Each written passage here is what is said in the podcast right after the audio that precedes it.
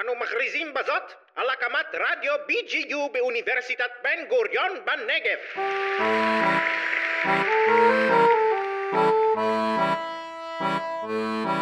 ככל שהשנים עוברות, את קוראת טוב יותר. זה מעודד אותי. לדעת, כאילו זה... ספרות זה הכל. הפודקאסט של המחלקה לספרות עברית באוניברסיטת בן גוריון בנגב.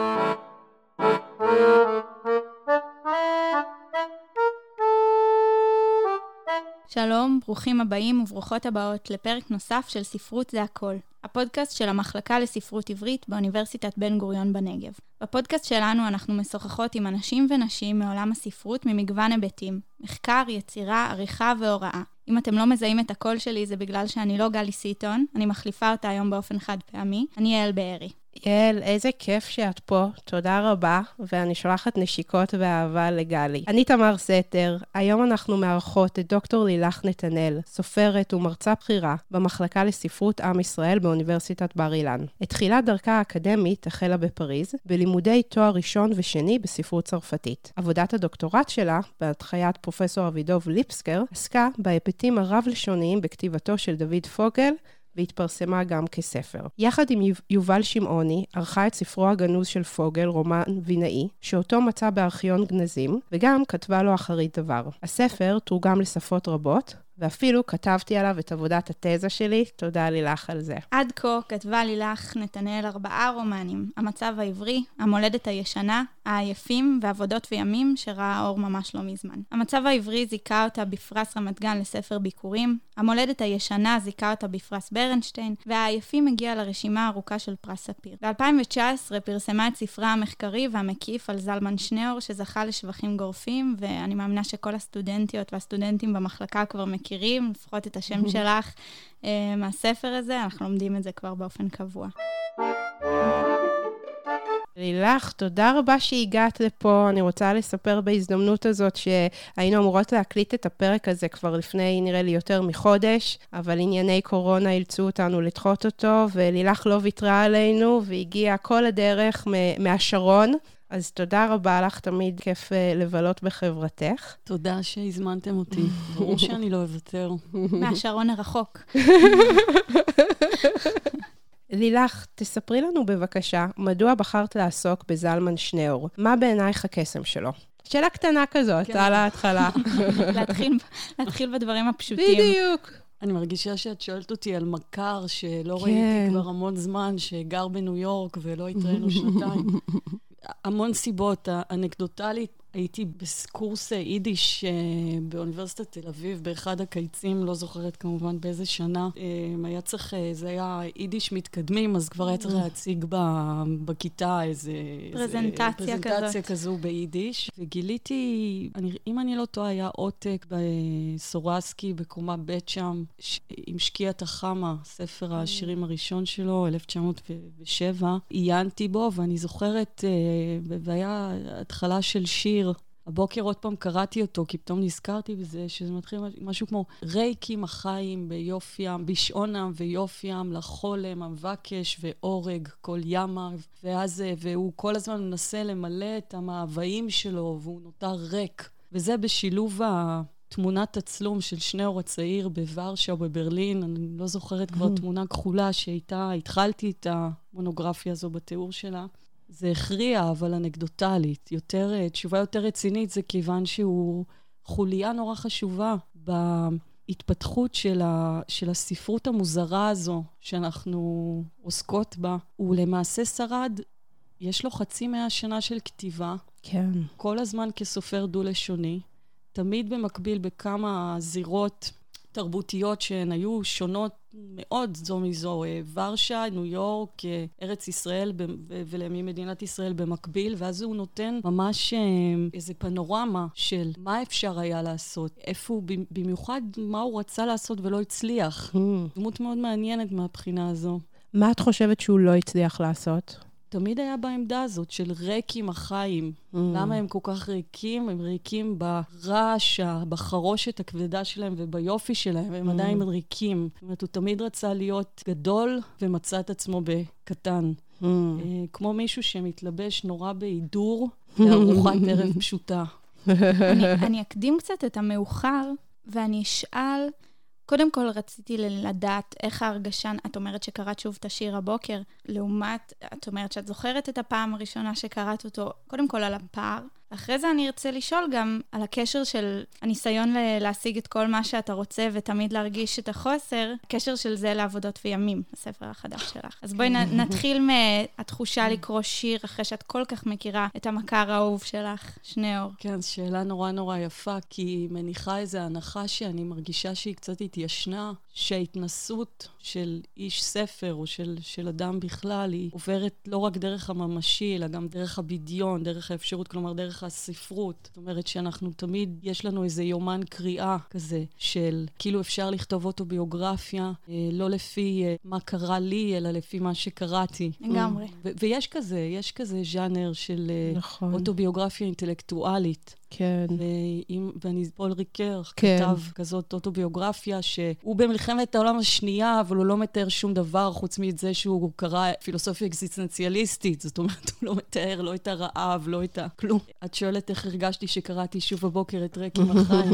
האם את יכולה לעמוד על איזשהו פער? האם, האם יש תחושה שונה? זאת אומרת, בהתחשב בזה שאת כן יכולה לתאר עדיין את החוויה הראשונה, והנה, יש לנו חוויה טריה מהבוקר. כן. את לא אותה לילך, הנער הוא אינו אותו נער. שניאור הוא לא אותו שניאור. אור. לגמרי, כן. אני חושבת שככל שהזמן עובר ואני מתבגרת, ואז הקריאות אה, נערמות, אני מבינה יותר. אני באמת מאמינה בזה, אני חושבת שזה הצד האופטימי ביותר באישיות שלי, שאני חושבת שבאמת, שככל שהשנים עוברות, את קוראת טוב יותר. זה מעודד אותי. את יודעת, כאילו זה...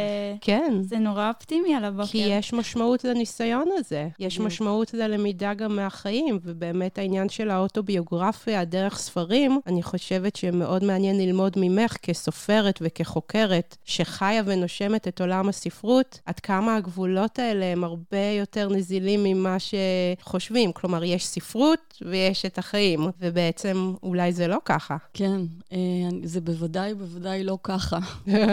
אה, ובאמת אני חושבת שבעבודות בימים, mm-hmm. ברומן האחרון, הכנסתי את הספר אל הבית mm. שלי. אה, היו, היו חברים שקראו, שאני הייתי בבית הזה. כמובן שזה לא, שזה עדיין לא המציאות, אבל זה בדיון אמיתי יותר מהמציאות. אה, אולי זאת ההבנה. עם השנים, שבסוף בסוף אמיתות הן נמצאות בבדיון. אני חושבת שזה הנזילות בין הקטגוריות שאנחנו חיים עכשיו, במיוחד גם עם הממואר וה autofiction. כן. יש בזה אמת. הנזילות הזו בין דברים שהפרדנו ביניהם, בין הממשי והפוטנציאלי, בין מה אממ. שהיה לבין מה שיכול להיות, בין אממ. אמת לבין השקר של הבדיון, פתאום הקטגוריות האלה נחצות ונראה שהן... שנכנסות זו בתוך זו. זאת אומרת, החוויות העזות ביותר בחיים שלי, אני חושבת שהרבה פעמים הן, הן בספרות, או בכתיבת ספרות, או, או בקריאת ספרות, כן. כן, כי זלמן שנר הוא דוגמה מעולה, וגם דוד פוגל, כשאמרת אז, החוויות הזאת, הם בעצם כל הזמן מוסרים לנו חוויות הזאת, הם כל הזמן הולכים לקצה יותר אה, רחוק של משמעות ושל תשוקה ושל בחינת גבולות ושל יחסי מין ושל ארוס ושל מפגשים. מפגשים בין יהודים לנוצרים. כתבת על זה גם מאוד יפה באחרית דבר למשומדת. יש שם משהו גם שהוא כמעט טלנובלי אפילו אצלם. נראה לי אצל שניאור יותר מאשר אצל פוגל אפילו. כן, השאלה של השונד ליטרטור אצל שניאור היא רלוונטית מאוד לשניאור. כן. כן. אנחנו אבל... נגיד רק שזה ספרות אידית, שהיא כזאת הייתה ספרות מאוד uh, פופולרית, בהמשכים, uh, זולה. אולי uh, תרצי להרחיב קצת על הז'אנר? כן, בוא נגיד, בוא נגיד ככה. שניאור בין uh, שתי מלחמות עולם היה חייב... אה, להתפרנס. ומי שרצה להתפרנס בשנות ה-20 וה-30, נכון היה שיפנה ליידיש, כיוון שהיה קהל קוראים יותר רחב, וגם הייתה תפוצה יותר משוכללת, שלא רק בהוצאות ספרים, אלא גם, ואולי בעיקר בעיתונות. היו עיתונים גדולים בניו יורק, הפורוורץ, ובוורשה, דר מומנט. שמכרו פורוורץ, לדעתי זה מאות אלפי עותקים של עיתונים, והעסיקו סופרים מקצועיים, סופרים קבועים. למשל הקוראים של הפורוורץ, בכל יום שלישי קיבלו פרק מהרומן החדש של שניאור, ובימי כן. שישי קיבלו פרק מהטרילוגיה של שלום אש.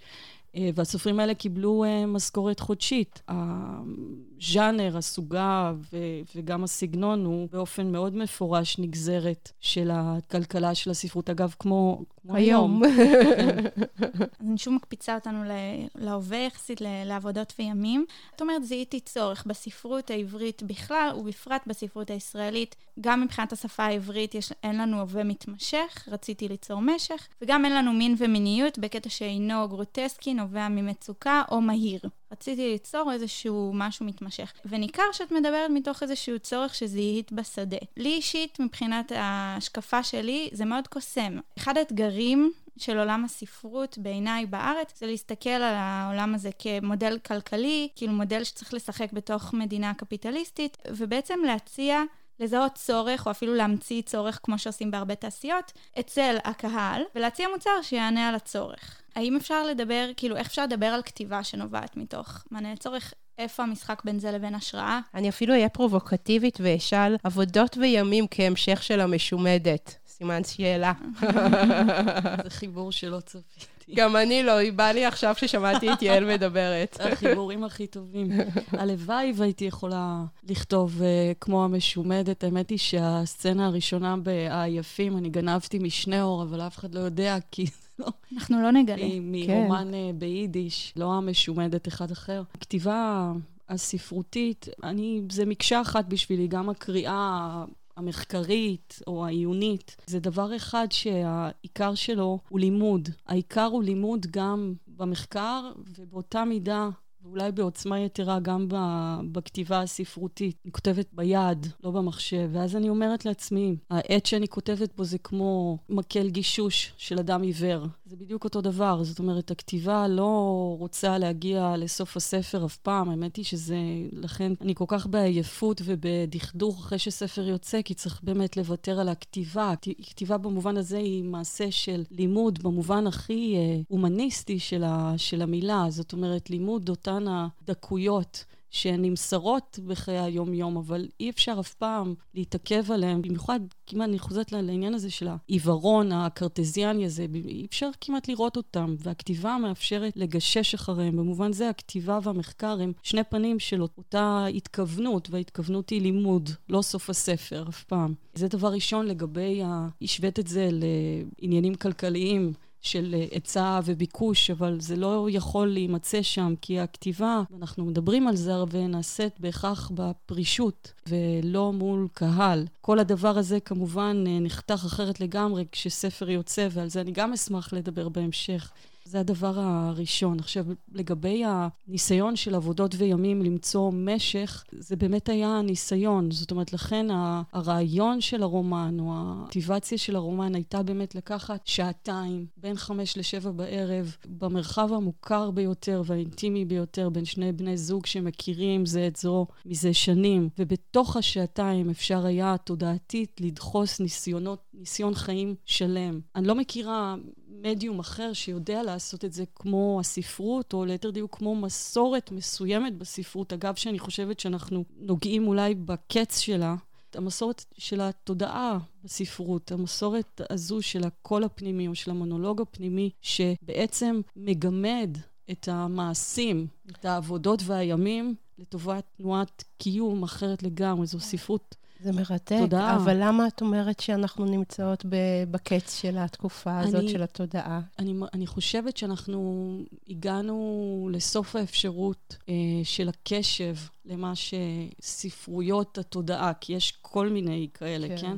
מסוגלות או יודעות להציע לנו. אני חושבת שאם אני מסתכלת על הספרות, לא רק ספרות ישראלית, אבל בואו נתמקד בספרות ישראלית בשביל הקיצור, אז אני רואה שהספרות בשום פנים ואופן לא מתה. אבל איזה ספרות לא מתה? כלומר, איזה ספרות שורדת ושורדת טוב? אז, אז אני רואה שספרות פנטזיה שורדת טוב, ספרות אירוטית שורדת טוב מאוד. נכון. וכמובן ו... דיברנו על הממוארים וכל הז'אנר הזה של autofiction. בדיוק, שהוא מאוד עולה, ואלה שלוש אפשרויות ספרותיות שהן מאוד אה, שורדות, אפילו הייתי אומרת כתרבות פופולרית. בעוד שספרויות תודעה או ספרויות מופנמות, ספרויות של אה, לימוד, ספרויות חרישיות יותר, נאמר, ספרויות שהן באמת הספרויות של עבודות וימים, זאת אומרת של המעשים הנעשים ושל התיעוד שלהם ושל העוגן שלהם במציאות.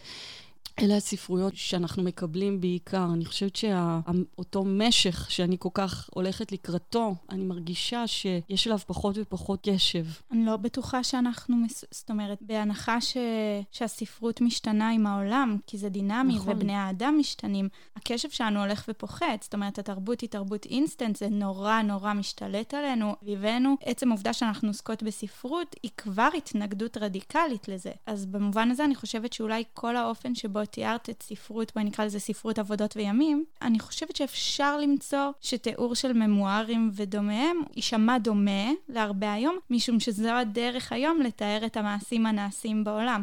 אנחנו נכון. כבר לא כל כך אה, מוכווני משך, אלא יותר מה היה הזיכרון שלי ושלי ושלי ושלי, גם מרמה נרקיסיסטית כמובן. אה, לא יודעת אם אה, נרקיסיזם, אבל בהחלט העניין הזה של, אה, של העוגן בממשי, כן. שהוא כאילו מחויב כדי להיות קריא, כלומר, והתיעוד, כמובן תיעוד שעובר דרך העצמי, הוא עגינה מסוימת בממשי שאנחנו נזקקים לה מאוד. ואני באמת, אני שואלת את עצמי, לא, זה לא דיבור uh, של uh, קץ או של, זה לא אפולוגטי, אני חושבת שזה טוב שהדברים הם, הם דינמיים, אבל באמת במובן הזה שאלתי את עצמי במלוא הכנות, עם הילדות שלי, שהיום הן בנות שש ועוד מעט עשר, אם עוד עשר שנים, כשהן תהיינה בגיל העשרה, בבנות עשרים, אם הם יפתחו ספר של, של To the Lighthouse של, של וירג'יניה וולף, היא מתחילה לקרוא שם סיפור לילד שלה, משפט אחד היא קוראת, ואז היא רואה אותו מתהלך שם בחוץ, וחמישה, שישה, שבעה עמודים שהיא חושבת עליו ועליה וזה, ואז היא חוזרת המשפט השני מהסיפור. אז אני שואלת את עצמי אם הילדות שלי יוכלו לקרוא את זה לא כ... משימה, או לא כעניין דידקטי, אלא באופן אינטואיטיבי, אם זה יהיה חלק מהתנסות החיים שמזהות אצל עצמם, ואני חושבת שאולי התשובה היא תהיה לא. יכול להיות שזה לא יהיה חלק שהן יכולות to relate to, להתייחס אליו, כיוון שהן לא יזהו את זה כניסיון חיים שהן מכירות, mm. בגלל שאלת תפיסת הזמן, המשך, כן. בגלל ההתהלכות של התודעה שהיא אולי שונה. ממש מרתק, ואני חושבת, אם הילדות של לילך נתנאל ואילי ראונר לא יקראו יקראו את המגדלור של וירג'יניה וולף, אז מי כן? אני צוחקת כמובן. אני אמ, יכולה להגיד שאני גדלתי בתור ילדה מאוד לא ספרותית. Mm. אני זוכרת שהייתי נרדמת על הספרים, משאירה פתק להורים ליד, תעירו אותי את צחצח שיניים. והתחלתי לקרוא בערך בגיל 20, ואני נותנת לעצמי תקווה פה, כאילו, בקטע כן. של איך העתיד ייראה. כן. אני מקווה שהוא ייראה בסדר, גם עם הילדות שלכם. אבל מה שאני רוצה להדגיש, שהוא ייראה בסדר גם בלי וירג'יניה וולף. כמובן שזה, יש כאב בלומר את זה, אבל כן. יש גם פתיחה בלומר את זה. העתיד ייראה בסדר גם ללא וירג'יניה וולף. כשאת משווה את זה לספרות התחייה, שאת כל כך חיה אותה ומלמדת אותה, וכל הזמן חזרת במילים שלך שהכתיבה היא לימוד, וכמובן שלהיות חוקרת זה שיא חיי הלימוד, מעניין מה חשבו אותם אנשים, אותם סופרים בספרות התחייה. כלומר, מה הם חשבו שהם עושים על המעשה הכתיבה שלהם, על הקהל שלהם, על היחסים שלהם איתם. אני לא קוראת לזה ספרות התחייה. מעולה. במיוחד. כיוון ש... וזו שאלה של, ה... שאלה של אמונה ושאלה של תפיסת השלם ותפיסת השבר. אני לא קוראת לזה ספרות התחייה, כיוון שזו ספרות שהאמינה בשבר. אמונה מודרנית, אדוקה, זה אדיקות חילונית, אני קוראת לזה, זה אורתודוקסיה חילונית, האמונה בשבר, שאגב, פוגל הוא נציג אה, מרכזי כן. של הדבר הזה, אבל, אבל גם אחרים, גם אליעזר שטיינמן. האמונה בשבר, כלומר, האמונה שהדבר מתגלה דווקא כנגד עצמו. האמת, בדור שלהם האמת הייתה הזהות, הזהות מתגלה דרך נוודות, היא אפשרית כן. דרך כפילות. דרך הסתרה. הכל מתכנס לאמונה בעומק של הטקסט. כלומר, אה, אנחנו עובדים בפני שטח של תחביר, כל מיני תחבירים. כותבת בעברית, אז השאלה של התחביר הלשוני שאנחנו סוחבים אותו עוד מהמאה ה-18 בעברית מודרנית, אבל גם תחביר נרטיבי.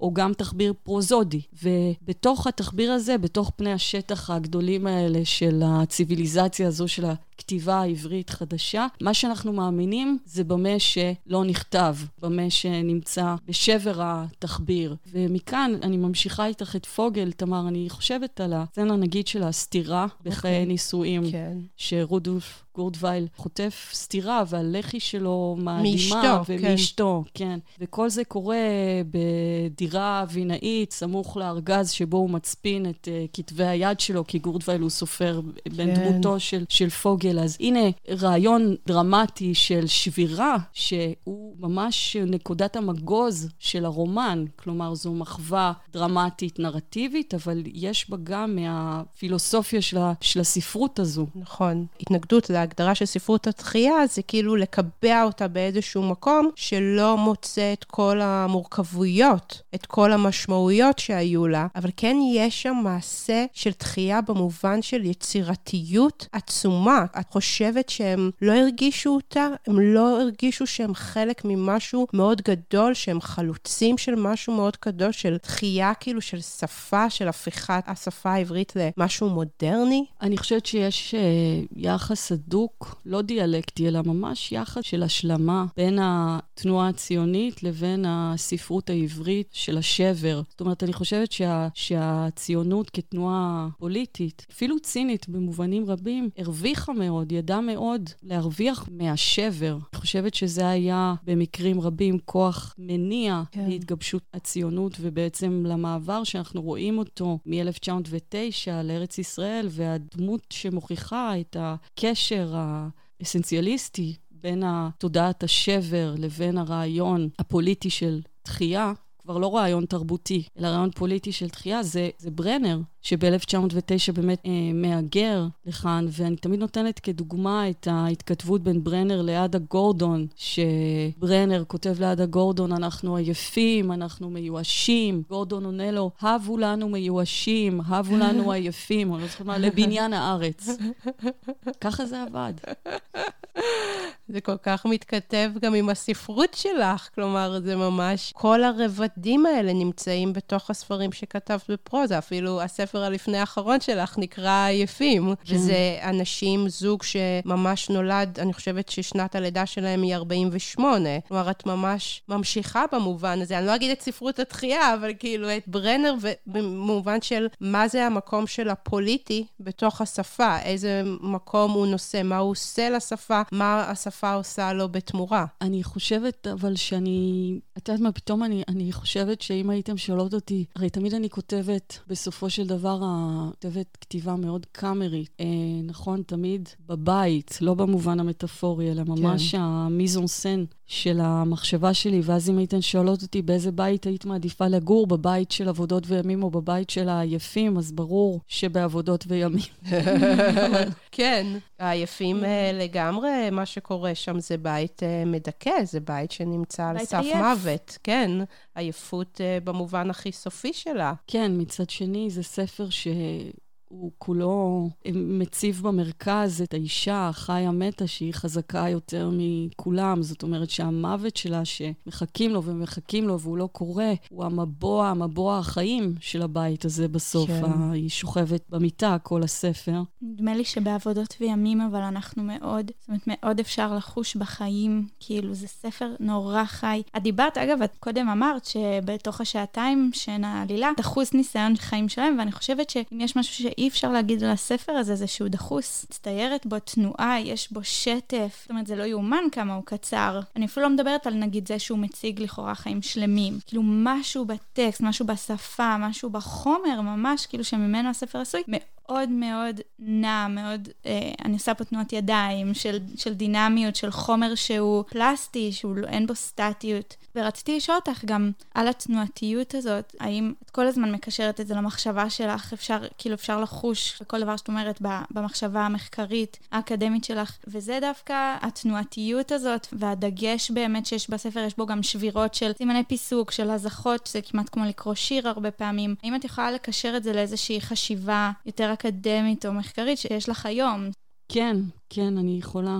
באמת, הנושא של עבודות וימים הוא באמת השאלה של החיים במובן החושני שלהם, כלומר, במובני הנגיעה שלהם, ובאמת, במשך כל השעתיים, הסצנה, סצנת ההווה היחידה זה של התעלסות בין גבר ואישה שמכירים טוב אחד את השני, התעלסות שכוללת גם דיבור וכניסות ויציאות וחיים שלמים, וגם הנסיגות לשנתיים שקדמו לאותו ערב, גם הן שאלות, שאלות של הגוף, שאלות של החושני, שאלות של המגע, ואני חושבת שבאזור של ה...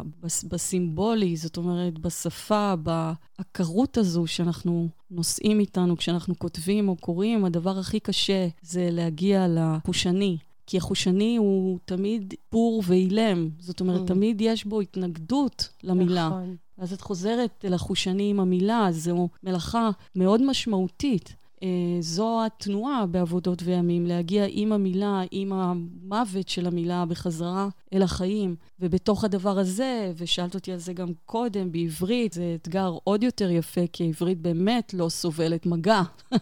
זו שפה ש- שקשה לה לסבול מגע, זאת אומרת שקשה לה לסבול את השהות הזו אה, של הגוף. חלק מזה אולי כיוון שבאמת אין לנו אה, בינוני הווה, הווה מתמשך. חלק מזה כיוון שאין לנו הרבה תוארי, תארי פועל. אנחנו יודעים כבר מגנסין את הניסיון של גנסין לברוא יש מאין תארי, להמציא אה, תארי פועל כדי להעריך קצת את ה...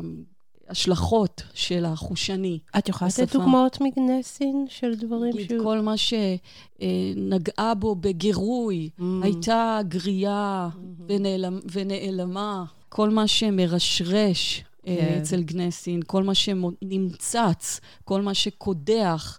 אה, זה הניסיונות ונושם, של... נושם הרבה אצל גנסין. ונושם, כמובן שהוא היה קצר נשימה, זה מאוד מעניין. האם כן. גנסין היה יכול לקרוא בקול רם את הכתיבה של עצמו? והתשובה היא כמובן לא. לא. זה מאוד יפה. מאוד. יש uh, הרצאה ששמעתי בכנס שאת השתתפת בו, ואחר כך גם uh, מאמר של חנה סוקר שווגר על נכון. הרשרושים והגניחות אצל גנסין, נכון. שזה לא רק במילים עצמם, אלא בכל העיבובים האלה בין לבין. ברור, התנועות המינוריות הלא כן. מורגשות, אייל בסן הרבה עוסק בזה, נכון. בגנסין סטייל. נכון. כן. דבר שהבנתי בעקבות הספר על שניאור ומה שאני רוצה, שאני בתוכו עכשיו מבחינת הקריאה, אני לא רוצה לקרוא לזה אפילו מחקר, באמת, מבחינת הקריאה, זה לנסות לשאול את השאלה הפשוטה הבאה, כיצד השתנה המנעד הרגשי בינם לבינינו? האם מה ש... האם הליל... אני בטוחה שהלילות של י"ל פרץ, שכתב למשל את אה, בלילה בשוק השחור, מחזה, הלילות אצל פרץ, אני בטוחה, היו שחורים יותר וחשוכים יותר מהלילות של כולנו. זאת אומרת, האם מה שמושך אז, מושך היום? האם הדוחה הוא אותו דוחה? אה, האם הבזות היא אותה בזות וכן הלאה? והאם בכלל אפשר לכתוב את תולדותיה של הספרות הזו כתולדות של מנעד רגשי. כלומר, את מדברת על הפער שלנו כחוקרות, שמגיעות כקורות, מהמאה ה-21 כן. וקורות, כן. ואנחנו מגיעות עם כל האפקטים וכל המנעד הרגשי, שאנחנו רחוקות מהם, רחוקות מהם אולי שנות אור. כן. אנחנו רחוקות, and yet, האופן שבו אנחנו מעוררות, מכירות, מבינות, אז זה כן נותן איזו יכולת להסתכל אה, בצורה מקווה מפוקחת, זאת אומרת שכן מבינה, אה, אבל גם הייתי רוצה לשאול אותך על פער שלא ניתן לגשר עליו, המגדרי, זאת אומרת, מדברת פה על יוצרים אה, גברים. את קוראת, אנחנו מדברות פה על קוראות, לא משנה, יש גם קוראים כמובן, אבל האם החוויה החושית שלך כשאת כותבת היום, איפה זה עומד מול חוויה חושית של יוצרים גברים? אני יכולה לשאול, אני יכולה לנסח עוד פעם את השאלה שהיא מאוד מאוד נכונה, שאני פשוט שואלת את עצמי, למה לא כתבתי אף פעם מילה אחת על לאה גולדברג. או. Oh. באמת, למה? למה אני... אני, אני עוברת אה, מפוגל לשניאור ועכשיו לפרישמן. אני מתבוננת בהם, וזה לא תמונה, זה לא שיקוף ראי שלי, לא מבחינה מגדרית ולא מבחינת העמדה בעולם של uh, גברים הגמונים, כן, של... זה, זה, זה העניין גם המעניין בספרות, בספרויות יהודיות מודרניות, שזה מיעוט הגמוני. זו עמדה מאוד מאוד מסוימת בעולם, שרואים אותה אפילו אצל אדם נידח כמו פוגל, בוודאי רואים אותה אצל שניאור ואצל פרישמן. אנשים ששייכים כאילו למיעוט פוליטי אפילו נרדף מצד אחד, מצד שני ההתנהלות שלהם בחיים הפוליטיים, החברתיים וגם המיניים, כן. היא התנהלות הגמונית. אה, כאילו אולי הגרמונית, את מתכוונת שהם מגיעים מעמדה של כוח דווקא בוודאי, בכתיבה. ומפעילים אותו, לא רק כן. בכתיבה, אלא גם בחיים הפוליטיים, גם בעמדות הפוליטיות. תראו את ז'בוטינסקי, הוא כן. מחזיק את הדבר הזה בצורה מאוד מאוד מעניינת. אז למה אני תמיד מוצאת את עצמי עומדת כנגד האחר המוחלט? אין לי שום תשובה. אני לא יודעת. דלז וגואטרי ניסחו בדיונים שלהם על, על מיעוט ורוב, הם אמרו ש, שהמיעוט מאבד את כוחו, מאבד את המיעוטיות שלו, כשהוא בעצם הופך בפשטות להגמוניה, כשהוא מנסח לו חוקים, כשברור מה נכון ומה לא נכון, כשיש לו סוג של ריבונות, אז בעצם יכול להיות, זאת אומרת, השאלה אם אפשר לתאר אותם כמיעוט, כאילו במובן הזה, גם בסוף זה כאילו מול קבוצה שיש לה את הערכים שלה, ו- ומאוד יש כזה מה לעשות ומה לא לעשות, אז זה אני מניחה מגדיל את האתגר באמת. זה תמיד מעניין אותי, שדלז וגואטרי, ואני חושבת ש, ששפיבה כתבה על זה משהו, אני לא בטוחה, שהם הם נמצאים בתוך תרבות קונטיננטלית, בריב דרואט במובנים רבים של פריז, והם אלה שמלמדים על אפשרויותיו של מיעוט באימפריות הרב-לשוניות של סף מלחמת העולם הראשונה. זה כמו, בדומה לזה שהיום בעברית ישראלית אני אנסה לתאר את עמדותיו של אה, ז'בוטינסקי או של פוגל. זאת אומרת, יש כאן מוגבלות אינהרנטית לדבר. אנחנו רואים שאנחנו הרבה פעמים כופים את הריבונות אחורה. הדוגמה הכי, הכי בנאלית שיש לי לזה, זה שתמיד אני, כשאני מלמדת תולדות הספרות העברית החדשה ומגיעים לאהבת ציון, שזה תאריך מאוחר בהתפתחות של הספרות הזו, כלל וכלל לא מוקדם, שנות ה-50 של המאה ה-19, והקישור המיידי של אהבת ציון הוא לממשות הפוליטית של הציונות ושל הריבונות, בעוד שכלל לא עלה על, על דעתם, אה, אפילו לא בתור אלגוריה פוליטית, אה, אהבת ציון של מפו. אז זהו, זה, זה היה בסוגריים לגבי, לגבי דולוז וגואטרי. זה היה ניסיון לתת איזה הסבר שהוא בעיניי יפה שלהם, לא- לאופן בו אנ- אנחנו מגדירים מיעוט ורוב. והאם. כן. אפשר להסתכל על מיעוט בצורה כמו שאנחנו, מסורתית, כאילו, או שיכול להיות שזה לא עומד באמת בהגדרות של מיעוט. כן, כן, לא, את, את בהחלט צודקת שאת, שאת מביאה את זה, וזה גם מאוד מעניין לחשוב את זה. אני לגמרי, לא, סתם אמרתי ב- במאמר מוסגר, אני מסכימה איתך שזה, אני, אני גם הולכת אליהם כדי לשאול בדיוק את השאלה בואי, הזו. כיף יחד אצלנו. אבל בעצם אנחנו, תמיד הספרות שאנחנו כותבים, כמו לדוגמה אברהם מפו באהבת ציון, זה בתוך נסיבות פוליטיות, זה מתוך ניסיון להביע עמדה. וזה בעצם המתח הזה שמאוד עולה מהשיחה שלנו, איך אפשר אה, להבין עד הסוף את המורכבויות ואת שלל הזהויות של אותם אנשים שכתבו. נכון. שכאילו מצד אחד היו מיעוט ומצד שני הרגישו רוב. נכון. שהיו במקום אחד מיעוט ובמקום אחר רוב, ושהמיעוט והרוב שניהם כעמדות וכהשראות וכתולדות של ספרות נמצאים בתוך היצירה שלהם. נכון, לכן אני כל כך uh, מרותקת מהמקרה, מה, כן. מהמקרה המוזר הזה באמת של ספרויות יהודיות מודרניות בכלל וספרות עברית מודרנית בפרט, והדמויות עצמן, גם בביוגרפיות שלהם וגם ביצירה שלהם, מציגות שזירות כל כך מרתקות. בין זהויות ובין עמדות פוליטיות, ואני יכולה, הזכרנו את אה, ז'בוטינסקי, הזכרנו כן. בחצי מילה את ברנר, אבל אני חושבת, אה, מי שאני עכשיו אה, מאוד עסוקה בו ומתפעלת מה, ממה שהוא מציג, כביכול הראשון, זה משה מנדלסון, שהדמות שלו היא מפוצלת ומפולגת. בין כל כך הרבה זהויות ועמדות אה, לשוניות, תרבותיות, פוליטיות.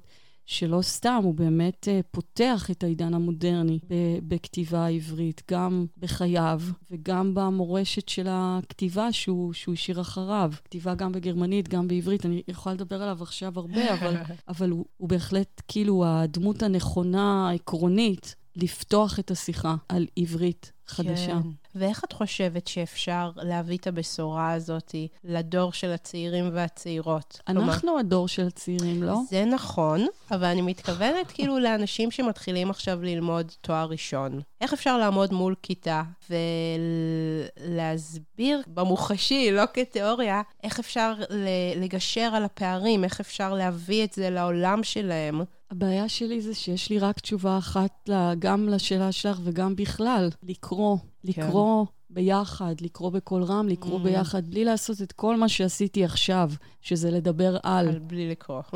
כן. אמ, סיפרת לנו שאת עכשיו אה, מלמדת יותר ספרות ישראלית ויחסית חדשה, באמת בגלל ה... חוסר היענות מצד סטודנטים חדשים ללמוד, אה, זאת אומרת, אני אתן לך להסביר על זה. גם קצת אולי תספרי לנו על החוויה, על אה, איך זה ללמד ספרות, את בדרך כלל לא מלמדת ספרות ישראלית אה, חדשה, והאם את חושבת ש...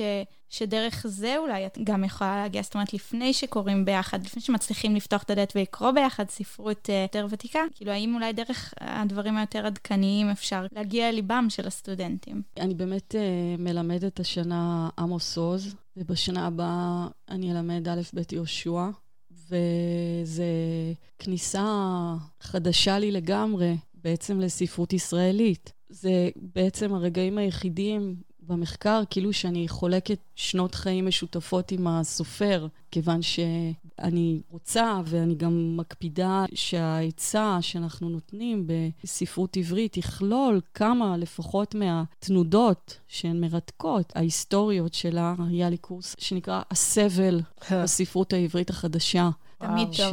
כן. קורס שנקרא מי קורא, או מי באמת קורא ספרות עברית, תחילת המאה ה-20, תחילת המאה ה-21. קשה מאוד לקרוא סופרים בני הזמן, או שקרובים לזמן. אה, זו קריאה תמיד אה, מעורבת. זאת אומרת, זו קריאה ש- שהיא מאוד, אה, מאוד, מרוב שהיא קרובה, קשה להגות בה. רואה את הערך, או אפילו את ההכרח באיזשהו מרחק, מרחק של הזמן, או איזה משהו את יודעת, יש משהו סופי בזה שמדובר ב... אומרת, זה יוצר, הוא יצר, הוא לא ייצור יותר, זה מה יש, הקורפוס הסגור. כן, אנחנו כאילו בספרות בת הזמן, אנחנו קוראים בהיעדר חתימה. כן. כאילו אנחנו נכנסים באמצע, כמעט מפריעים באמצע. uh, במקרה של uh, עמוס עוז, אני מרגישה את זה במיוחד. אני מלמדת השנה קורס שנתי על עמוס עוז, והקורס הזה נחצה שוב ושוב על ידי גלגלים כמו ש, שעוברים בתוך שדה, שזה העניין של ה, באמת של אה, אבות ובנות והספר של, ה, של גליה. זאת אומרת, שאלות שהיא מעלה שהן שאלות חשובות, וצריך לתת עליהן את הדעת. זאת אומרת, יש, אנחנו אני, יושבות עכשיו בחדר שהוא מוקף בספרים של עמוס עוז המתורגמים, זו, זו ספרייה שמקיפה את החדר הזה והיא גדולה. יש כאן כמה מאות כותרים. ספר של גליה עוז הוא חוברת צנומה, כן. שעל הכריכה שלו הספר כבר כתוב. זה ספר שהאור שלו חשוף, זאת אומרת, אפילו לא כרכו אותו. כן. על הכריכה יש את הציטוטים הקשים ביותר מתוך הספר הזה. אז כשהספר, שהחוברת הזו מושמת על הספרייה של עמוס עוז, מה פירוש הדבר, איך צריך לקרוא את זה, מאיפה לאיפה קוראים, שאלות מאוד מאוד חשובות שמזדמנות לפתחנו כאשר אנחנו עוסקים בספרות בת הזמן, וזה כן, זה כאילו מעניין. אנחנו חשופות יותר כשאנחנו עוסקות בספרות בת הזמן. אין מאחורי מה להתחבא, אין כאילו את הפערים התרבותיים, אין את הפערים של הזמן.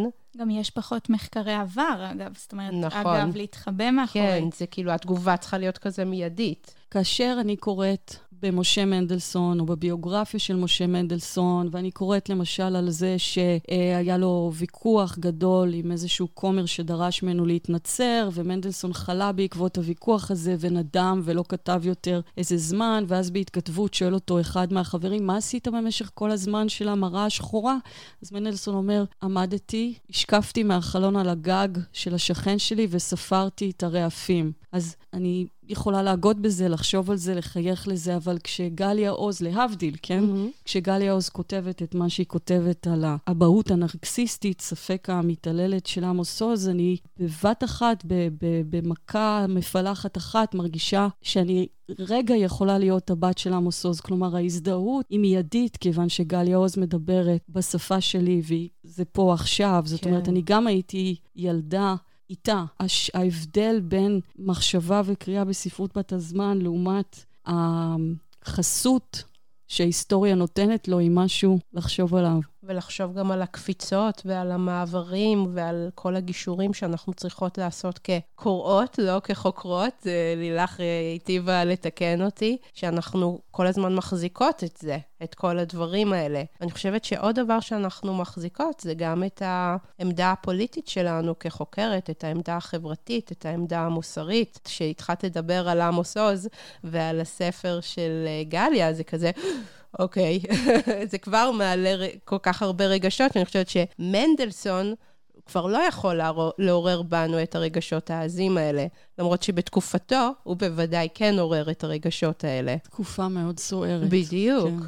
שמתי לב, זאת אומרת, דיברנו על זה שאת שואלת את עצמך למה מעולם לא כתבתי על גולדברג. עכשיו אנחנו מדברות על יוצרים חד... יותר um, עדכניים שאת uh, מלמדת. האם יש תוכנית ללמד uh, על יוצרות?